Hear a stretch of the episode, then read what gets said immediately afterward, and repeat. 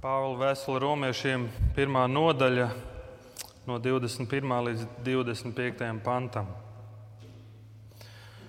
Jo dievu pazīdami, tie viņu nav godājuši kā dievu un nav viņam pateikušies, bet kļuvuši domās tukši, un viņu neprātīgā sirds ir aptumšojusies.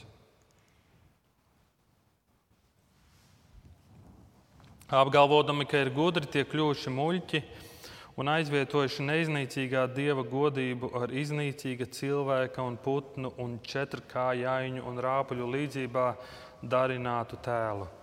Tādēļ Dievs tos ir nodevis viņu sirdžu kārībām, tā ka tie nešķīstībā apkauno savu miesu. Dieva patiesību tie apmainījuši pret meliem, godinājuši radību un kalpojuši tai, nevis radītājiem. Viņš ir augsti teikts mūžīgi. Āmen. Lūksim Dievu. Labais Tēvs, paldies par to, ka šodien mums ir Tavs vārds, mums ir Bībele, kurā mēs varam skatīties un lūkoties uz savām dzīvēm un jautāt, ko Tu vēlēsi mums mācīt. Varbūt kas ir lietas, ko mēs esam izlaiduši, neesam ņēmuši vērā.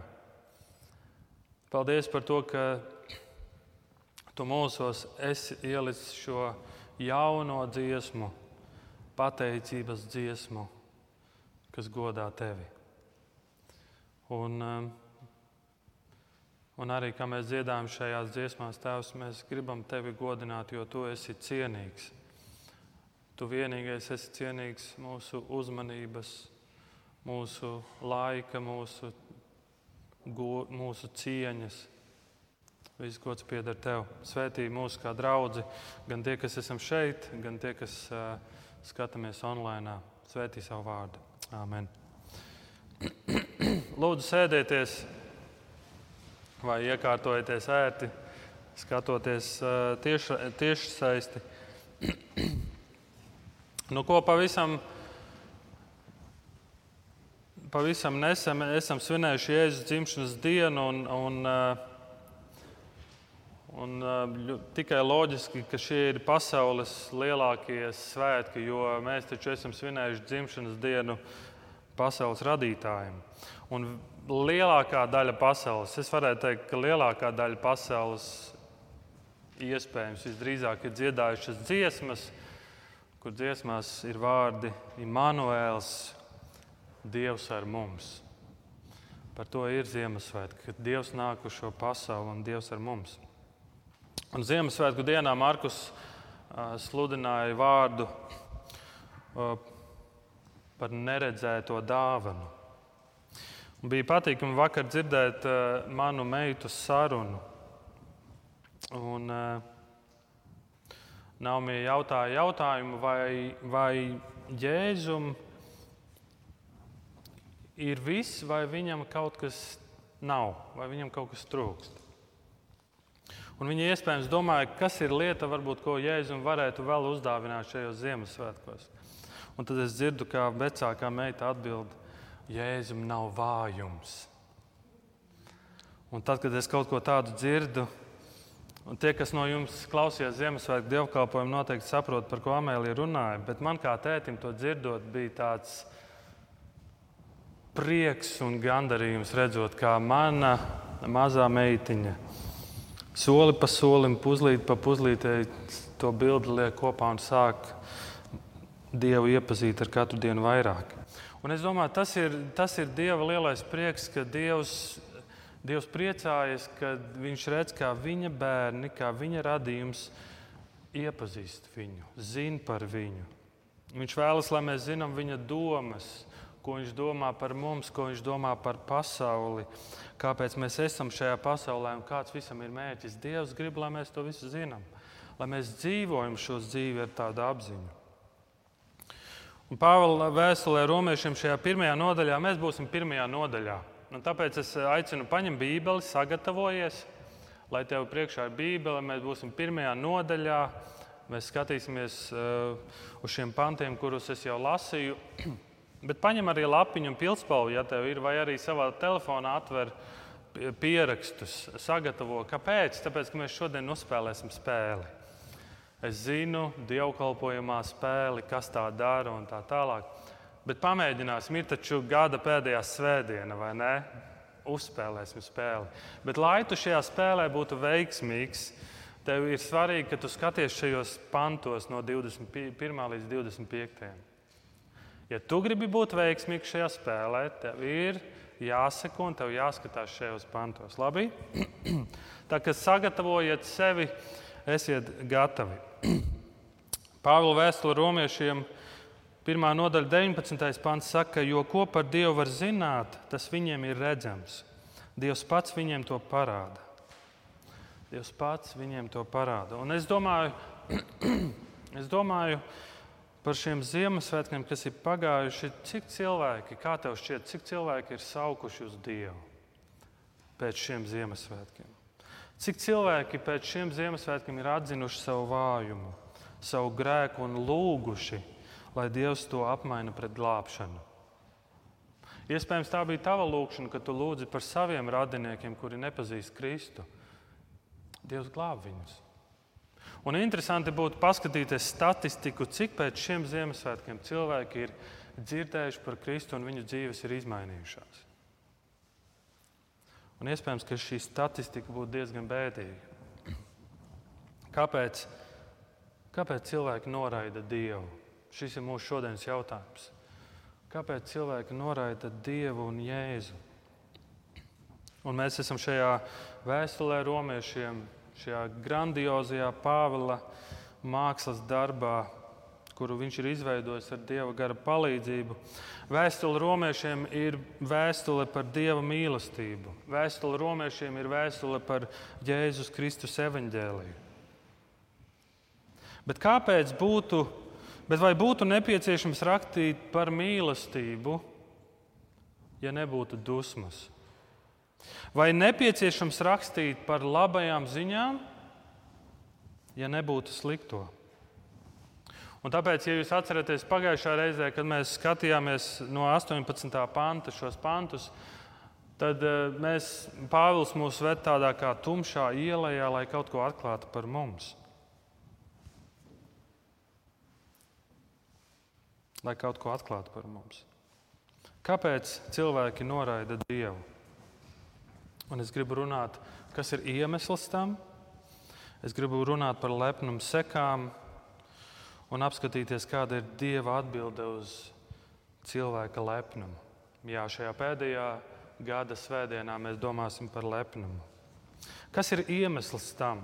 Un cilvēki patiesībā atrod tik dažādus iemeslus tik daudzām lietām. Cilvēki atrod iemeslus, kāpēc nenākt uz baznīcu.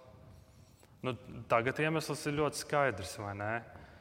ir vīrus, un ir distancēšanās un tā tālāk. Un iemesls ir ļoti skaidrs. Bet pirms šī, šī pandēmijas laika cilvēki atrada tik dažādus iemeslus, lai nenāktu uz baznīcu un neklausītos Dieva vārdu. Un kā cilvēks dzirdot šos iemeslus, viņš saprata, ka šie iemesli neiztur kritiku, un viņš izveidoja savus desmit iemeslus bet viņš tos nosauca citādāk. Un viņš tos nosauca desmit iemesli, kāpēc es nekad nemazgāšos. Desmit iemesli, kāpēc es nekad nemazgāšos. Pirmais, mani bērnībā piespieda mazgāties. Otrais, cilvēki, kas mazgājas, ir liekuļi, jo uzskata sevi tīrākus par citiem. Trešais iemesls ir tik daudz dažādas ziepes, ka es nevaru izvēlēties pareizās. Ceturtais. Es parasti mazgājos, bet tad man palika garlaicīgi. Piektais iemesls. Es mazgājos tikai Ziemassvētkos un Lieldienās. Sestais iemesls. Neviens no maniem draugiem nemazgājas. Nākamais. Es mazgāšos, kad būšu vecāks. Astotais iemesls. Man patiešām nav laika. Devītais. Vannas istaba nav pietiekami silta. Un desmitais. Cilvēkiem, kas ražo ziepes, vajag tikai manu naudu. Lūk, desmit iemesli, kāpēc es nekad nemazgāšos. Ir tik daudz iemeslu, kāpēc cilvēki sevi attaisno. Tik daudz iemeslu, kāpēc cilvēki nemeklē Dievu. Bet 20. pantā Pāvils saka, mums nav ar ko attaisnoties. Neviens attaisnojums neiztur kritiku. Pāvils nesaka, ka aizver muti, man neinteresē tevi attaisnojumi, jo izteikts attaisnojums bieži vien var būt kā laba saruna, ja tā ir godīgi. Ja tā ir godīga. Un šodienas pāns, 21. pāns, jo Dievu pazīdami, tie viņu nav godājuši kā Dievu un nav viņam pateikušies. Jo Dievu pazīdami, tie viņu nav godājuši kā Dievu un nav viņam pateikušies. Lūk, arī iemesls, kāpēc cilvēki noraida Dievu. Un šis iemesls ir lepnums. Tas ir mūsu lepnums. Bet nu, neaizmirsīsim, ko, kas, ir tā, kas ir tas, par ko Pāvils runā. Pāvils šeit runā par pagāniem un par dieva tautu viņš runās mazliet vēlāk. Un tajā laikā bija daudz filozofu, tā laika Grieķijā un Romā, un šiem filozofiem bija zināšanas par Dievu. Pitagors bija viens no tiem, kurš daudz ceļoja pa, pa Eģiptu un pa dažādām pasaules vietām, kurš skaidri redzēja, ka šai pasaulē ir radītājs. Sengrieķu filozofi, matemātiķi to skaidri redzēja, bet neviens no viņiem neuzdrīkstējos par to sludināt citiem. Marks Tullīs Cicerons, viens no šiem senās Romas filozofiem, sacīja, dabā ir kaut kas tāds, ko cilvēka prāts, iemesls vai cilvēka spēks nespēja ietekmēt. Un noteikti tam, kas to rada, jābūt labākam par cilvēku. Kā to var saukt, izņemot dievu? Kas var būt tik skaidrs un acīm redzams, kad mēs skatāmies uz debesīm un domājam par debesu lietām, it kā būtu kaut kāds izcilākā prāta dievišķums, ar kuru šīs lietas tiek pārvaldītas? Tas, ko Pāvils grib pateikt, ka mūsu cilvēka problēma nav tā, ka tas nezina neko par Dievu, bet gan tā, ka tas zina. Un tomēr Dievu negodā. Mēs zinām par Dievu, bet viņam nepasakāmies. Lepni cilvēki nesaka paldies. Un tāpēc nav nozīmes, cik daudz tu zini. Ja tava, zināš, ja tava zināšanas nenoved pie Dieva godināšanas un pateicības. Zināšanas, patiesība par Dievu pie, pieprasa atbildes reakciju. Patiesība par Dievu pieprasa, ka mēs, kas esam Viņa radījums, godinām Viņu kā radītāju. 1. korintiešiem 10. nodaļa, 31. pants. Tādēļ, vai ēdat, vai dzerat, vai ko citu darāt, visu dariet kungam par godu. Kas ir cilvēka galvenais mērķis uz šīs pasaules? Godināt Dievu pagodināt Dievu ar visu, kas mēs esam, ar visu, ko mēs darām. Romiešiem 11. nodaļā Pāvils saka, jo no viņa un caur viņu un uz viņu ir viss, viņam ir gods mūžīgi. Cilvēks ir radīts, lai godinātu Dievu. Un tāpēc Pāvils šajos pantos saka, lūk, mūsu lielā problēma, kāpēc cilvēki noraida Dievu. Tāpēc, ka viņi zina, un negodina un nepasakās. Apakstuļu darbu 12. nodaļā ir kāds notikums par ļauno ķēniņu Hērodu. Atcerieties tādu. Šis ļaunais ķēniņš Hērods, kurš nogalināja apakstu Jēkabu, un tur 12. nodaļas beigās ir rakstīts šāds notikums. Noliktajā dienā Hērods tērpies ķēnišķās drānās, apsēdās tronī un tautas priekšā tos uzrunāja un tautas sacīja. Tā ir dieva balss, nevis cilvēka. Un tūdaļ kunga eņģelis, eņģelis viņu sita, jo viņš nebija pagodinājis dievu, un tārpu sāests viņš nomira. Oh, wow! Tūlīt uz vietas eņģēlis viņu sit un viņš mirst. Un tā ir rakstīts stārpus ēsts. Jēzus 42. nodaļā mēs lasām, Es esmu kungs, tas ir mans vārds, savu godu nevienam es nedošu, ne savu slavu elkiem. Lūk, kā Dievs rūpēs par savu godu. Dievs savu godu ar nevienu nedala. Mācītājs Džons Makārturs saka, ka dieva negodināšana ir ļaunākais no grēkiem. Dieva negodināšana ir ļaunākais no grēkiem. Godināt Dievu nozīmē piešķirt Dievam vērtību mūsu dzīvēm, apbrīnot viņu, ko Viņš ir radījis, pateikt paldies par šo gadu un apzināties, ka viss, kas ir bijis šajā gadā, tā ir Dieva žēlstība. Godināt Dievu nozīmē ņemt vērā visu, ko viņš ir teicis, kā viņš ir radījis, kā viņš ir iekārtojis, kā viņš ir radījis attiecības, kā mums izturēties vienam pret otru, ievērot un dzīvot saskaņā ar viņa noteikumiem. Godināt Dievu nozīmē parādīt radītāju sevi, jo tu esi viņa radījums.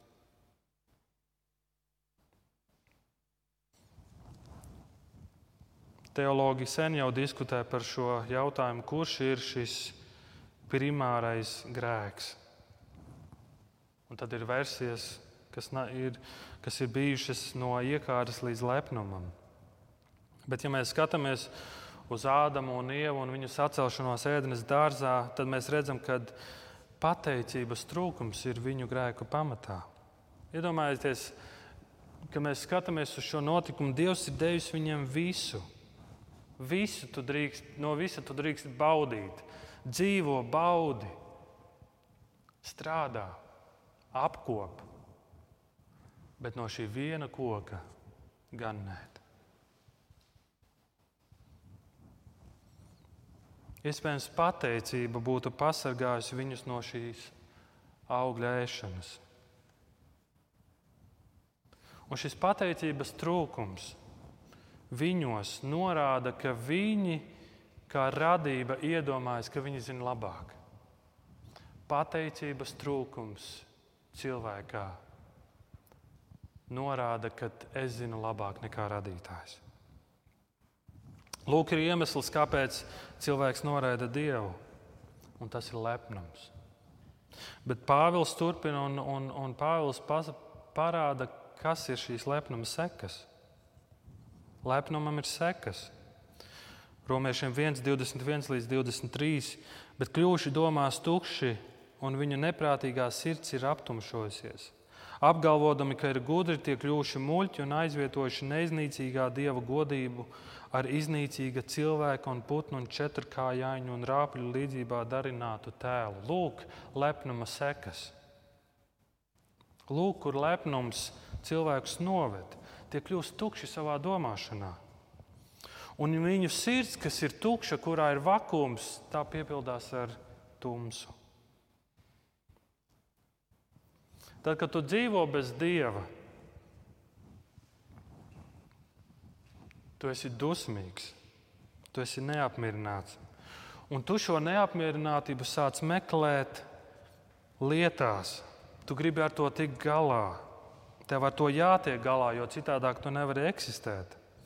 Un tu sāc savu tukšo prātuļošanu, un, un ar visām veri, varītēm tu centies pievērst uzmanību sev.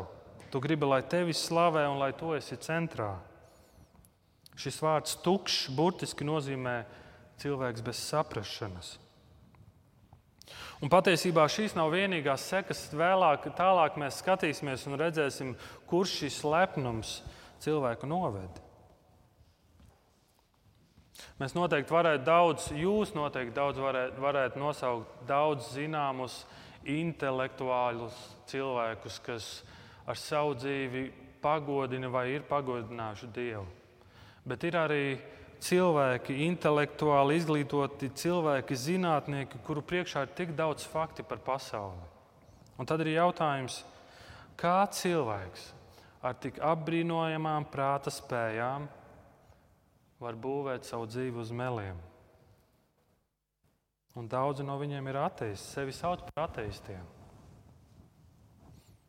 1. korintiešiem 3. nodaļā Pāvils saka, jo šīs pasaules gudrība Dieva priekšā ir muļķība. Ir taču rakstīts, viņš pieķer gudros to viltībā, un vēl ir rakstīts, kungs zina, ka gudros spriedumi ir tukši. Cilvēki zina par Dievu, bet negodina viņu, un tas noved viņus pie stāvokļa, ka cilvēks ir bez saprašanas bez saprašanas par Dievu, par pasauli, par sevi un dzīves jēgu. Viņu sirds ir aptumšota, bet sirdsapziņa paliek, bailes paliek. Un tāpēc tas cilvēku noved pie kaut kā vēl briesmīgāka. Tas cilvēku noved pie elgdevības. Cilvēks sāk pielūgt, viņš savu godu un pateicību sāk novērst uz citām lietām. Viņš domā, ka tas viņam dos mieru un apmierinājumu. Tā vietā, lai mēs dzīvotu dzīvi, kas pagodina Dievu, mēs dzīvojam priekš darba, sasniegumiem, morālām vērtībām, lietām, kas mums šķiet dod nozīmi un jēgu. Bet šīs lietas mūs padara par vergiem vainas apziņa, bailes, dusmas. Šīs lietas ir kā uguns, kas mūs iznīcina. Un mēs redzam, ka lepnuma sekas ir briesmīgas. Mēs darām tieši to, ko Dievs ir teicis, lai mēs nedarītu. Tad, kad mēs neesam pateicīgi, tad, kad mēs nepagodinām Dievu, tas mūs noved pie šīm sekām un mēs sākam pielūgt elkus. Un 5. mūzes 4. grāmatā ir rakstīts, ko Dievs ir teicis, tad nu nepazudiniet sevi taisīdami sev tēlus vai atveidus jebkam, kas līdzīgs vīram vai sievai vai kādam zvēram uz zemes vai kādam spārnainam putnam, kas lido debesīs vai jebkam, kas rāpo pa zemi vai kādai zivī, kas aug apakšā ūdeņos, necel savas acis uz debesīm, kad redzi sauli, mēnesi, zvaigznes vai jebko no visiem debesu pulkiem, neļaujies pavedināties un nezemojies tiem un nekalpo tiem. Cik detalizēts raksturojums. Es nekad neaizdomātos līdz tam.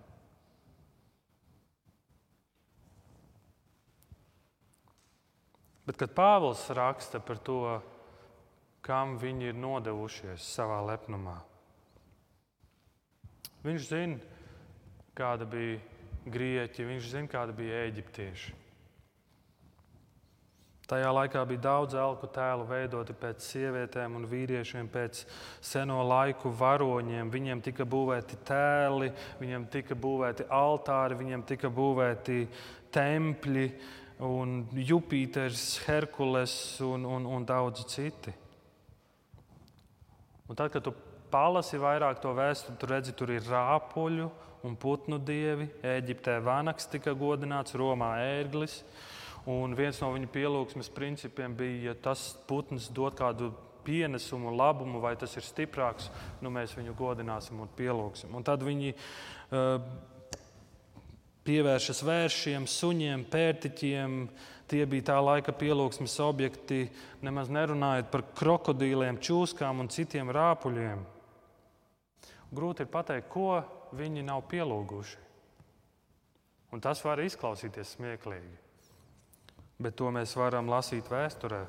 Saule, mēnesis, dzīvnieki, rāpuļi un pat dārzeņi. Lūk, ko, tas, ko tas liecina? Cilvēki, kuriem ir zināšanas par Dievu, bet negodina viņu kā Dievu, tie savā lepnumā nonāk pie tukšas domāšanas un pie aptumšotas sirds, kas viņus aizved uz elgdievību. Cilvēks bez dieva nevar pastāvēt.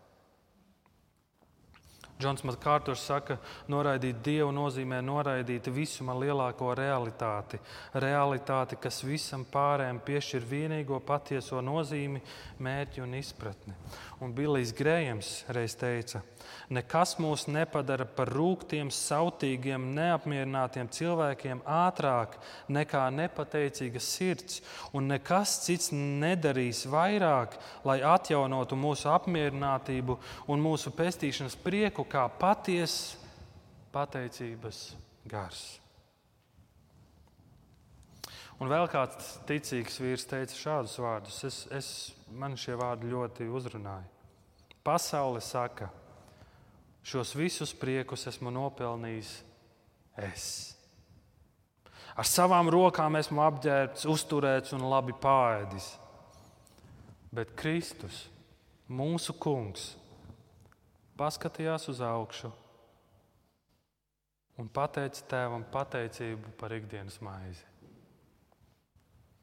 Kristus paskatījās uz augšu un pateicību, teica pateicību tēvam par ikdienas maizi. Lepnums ir briesmīgs grēks. Un nevelti citās kultūrās viena no lietām, ko savam ienaidniekam novēl, ir kaut kur lepns paliktu. Bet kāda ir Dieva atbilde uz cilvēka lepnumu?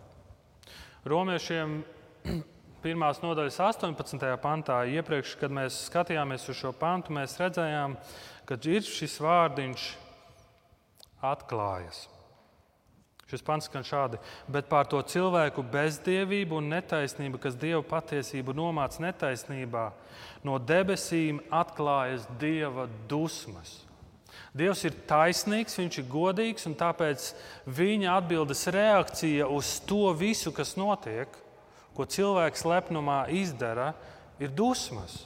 Un šeit ir vārdiņš atklājas. Tas nozīmē, tās jau ir tagad. Cilvēks, lepns cilvēks, saņem dieva dusmas jau tagad.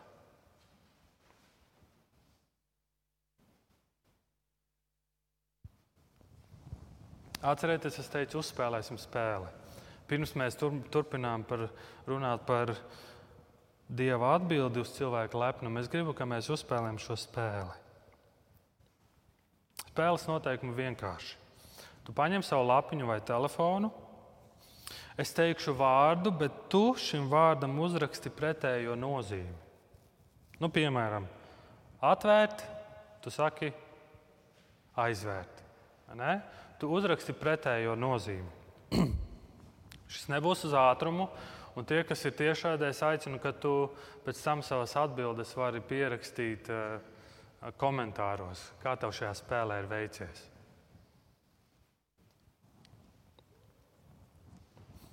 Esi gatavs?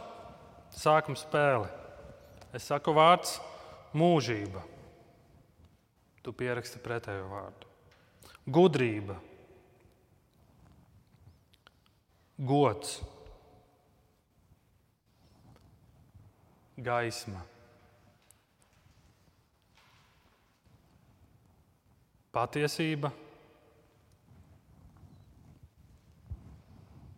un Dievs. Šie seši vārdi - mūžība, pirmais, gudrība, gods, gaisma, patiesība Dievs.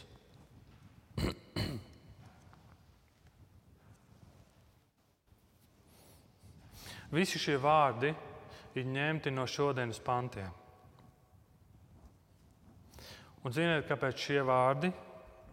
Un pantus, šajos pantos Pāvils parāda vēl kādu lietu, vēl kādu svarīgu, briesmīgu lietu, ko varētu nosaukt par lielo apmaiņu. Visas šīs lietas, ko es nosaucu, cilvēks ir apmainījis pret nāvi, muļķību, kaunu, tumsu, meliem un elkiem. Lūk, ko lepnais cilvēks apmaina. Un tu skaties un domā, cik neloģiski, cik, cik muļķīgi, cik tukši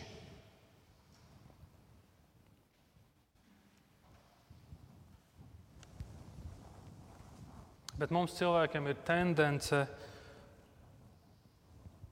apspiest kādas domas vai nomākt kādas domas. Mēs parasti nenomācām patīkamas domas. Mēs parasti atgrūžam biedējošas domas un sliktas atmiņas.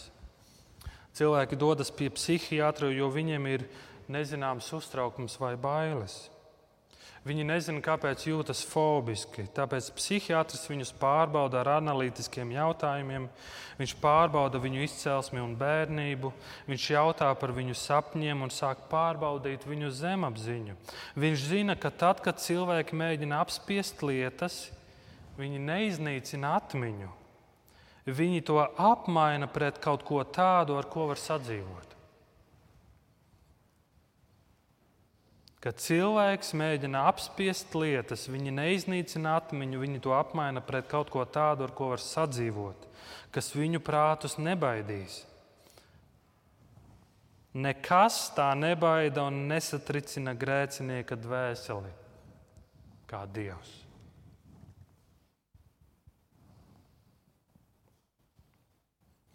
Un lūk, Dieva atbilde uz cilvēka lepnumu. 24. pāns. Tādēļ Dievs tos ir nodevis viņu sirdžu kārībām, tā ka tie nešķīstībā apkauno savu miesu. Tādēļ Dievs tos ir nodevis, un šajā pirmajā nodaļā Pāvils trīs reizes šo vārdu min. Tādēļ Dievs tos ir nodevis. Un lūk, ir traģēdija.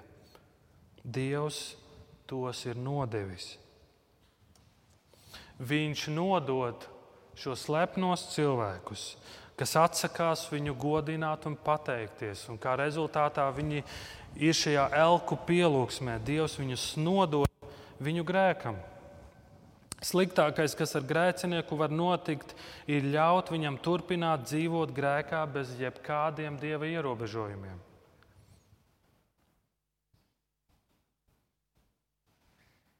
Dieva sots pār cilvēka lepnumu ir ļaut dzīvot savā iekārēs. Un Dievs saka, ja tu vēlēsies grēkot, labi, ej un grēko. Atcerieties notikumu no vecās derības par spēcīgo Simpsonu, kur šī sieviete Delīla visu laiku viņu, viņu mocīja un teica, nu, pasaki man savu noslēpumu, pasaki man savu noslēpumu. Un 16. nodaļā Trešajā reizē, kad viņš beidzot atklāja, mēs lasām pantus, viņa uzsauca: Filistieši nāk Simpsonu! Viņš pamodās no miega un nodomāja, es tikšu sveikā kā vienmēr un izraušos. Bet viņš nezināja, ka kungs viņu atstājis. Filistieši viņu sagrāba un izdūra tam acis. Briesmīgākā traģēdija var būt Nevis varbūt, bet ir, ka Dievs mūs atstāja. Dievs viņus nodeva viņu grēkam. Ok, gribi grēkot labi. Un 18. pants saka, tas ir Dieva sots, kas atklājas jau šodien. Dievs viņus nodevis. 25. pants saka, ka Dieva patiesību tie apmainījuši pret meliem, godinājuši radību un kalpojuši tai nevis radītājam. Katra sacelšanās un nepaklausība Dievam ir patiesības apmaiņa pret meliem. Katru reizi, kad mēs saceļamies un nepaklausām, mēs apmainām kaut ko. Notiek apmaiņa. Šī apmaiņa maksā ļoti dārgi. Un tu varētu jautāt, kā atzīt, vai es dzīvoju melos vai es dzīvoju patiesībā? Es tev teiktu, es tev atbildētu, palūkojies uz savu dzīvi un paskaties, ko tu pielūdz. Tas ir Dievs, vai tas esi tu, vai tie ir tavi elki? Kad mēs apmainām patiesību pret meliem, mēs zaudējam divreiz. Kāpēc? Pirmkārt, tu pazaudē patiesību, jo tu to pameti, un otrkārt, tu pazaudē melus, jo tie ir tikai ilūzija un viltojums. Un Dievs nevēlas, lai mēs zaudējam divreiz. Dievs to nevēlas. Bet vai šim ir risinājums? Un tas, ko Mārtiņš lasīja arī pašā iesākumā, šis skaistais psalms, mēs tikko gājām psalmu sērijai cauri. Bet vai ir risinājums, vai ir cerība? Jā, ir. Un tas ir 81. psalms, kur Dievs saka, klausies mani, es brīdinu tevi. Un viņš saka, kaut mana tauta klausītu man, kaut Izraels staigātu manus ceļus. Bet viņi neklausījās.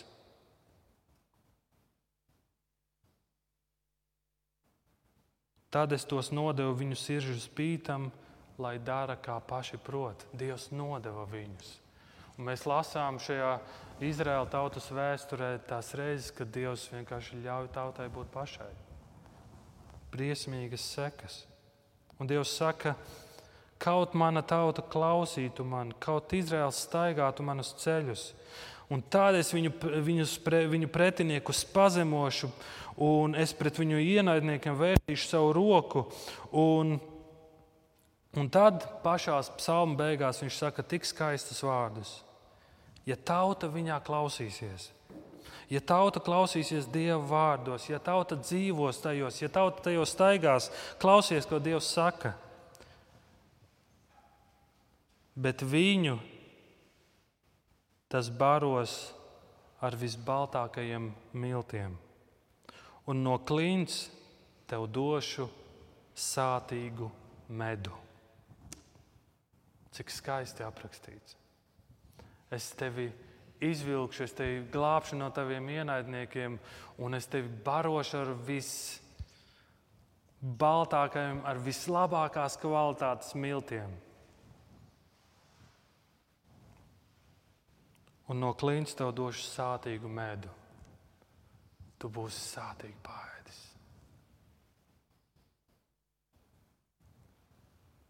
Klausies manī, ej pa maniem ceļiem. Vai šodien tu vari ar godīgu sirdi dziedāt, Imants, Dievs ar mums? Vai tu vari dziedāt, Jā, Dievs ir ar mani? Un, ja tu to vari dziedāt, tad šis ir iemesls, lai mēs pateiktos. Šis ir iemesls, lai mēs slavētu un teiktu Dievs, paldies! Un es vēlos noslēgt ar Jēkaba 4. nodaļu, 6. līdz 8. pāns. Bet viņš grib dot vairāk žēlastības. Tādēļ raksti saka, Dievs stājas pretī augstprātīgajiem, lepniem, bet pazemīgajiem dod žēlastību. Tad nu pakļaujieties Dievam un stājieties pretī vēlnam, un tas bēgs no jums. Tuvojieties Dievam, un Viņš tuvosies jums. Notīriet rokas grēcinieki un šķīstiet sirdis jūs, kas esat divkoši dvēselē. Tuvojieties Dievam, un Viņš tuvosies jums. Tuvosimies Dievam lūgšanā. Labais Tēvs, paldies Tev par šo gadu. Paldies par to, kā Tu esi mūs vadījis, vadījis cauri šim tik ļoti jocīgajam gadam. Gadam, kurā mēs esam piedzīvojuši kaut ko tādu, ko visa pasaule sen nebija piedzīvojusi. Bet šajā gadā Tu esi mums atgādinājis, Tu visu kontrolē, Tu visu zini. Un tas ir iemesls, Tēvs, lai mēs Tev pateiktos. Tu šajā gadā esi mūs mācījis no svētdienas uz svētdienu. Paldies Tev par to. Paldies, ka mūsu Latvija ir neatkarīga un brīva un ka mēs pavisam brīvi varam mācīt Tavu vārdu. Es ļoti lūdzu, izmaini mūsu sirdis tik ļoti, ka mēs gribam, mēs tveramies pie Tevis, mēs gribam lasīt Tavu vārdu. Mēs gribam būt attiecībās ar tevi, mēs gribam būt lūgšanās ar tevi. Iznīcini šo slinkumu, kas ir mūsos, iznīcini tos elkus, kas ir mūsu dzīvēm. Ka mēs ne tikai tukši ar lūpām varam teikt, Imants, Dievs ar mums, bet mēs savā dzīvē varam piedzīvot un redzēt, Jā, Dievs, tu esi ar mani ik uz soļa. Es to redzu, es to jūtu, es to dzirdu, es par to esmu pārliecināts. Paldies, Tēvs, ka Tu neesi mūs atstājis. Paldies par to cerību. Palīdz mums pie tās tvērties un par to pateikties. Ja es Tavā vārdā. Amen.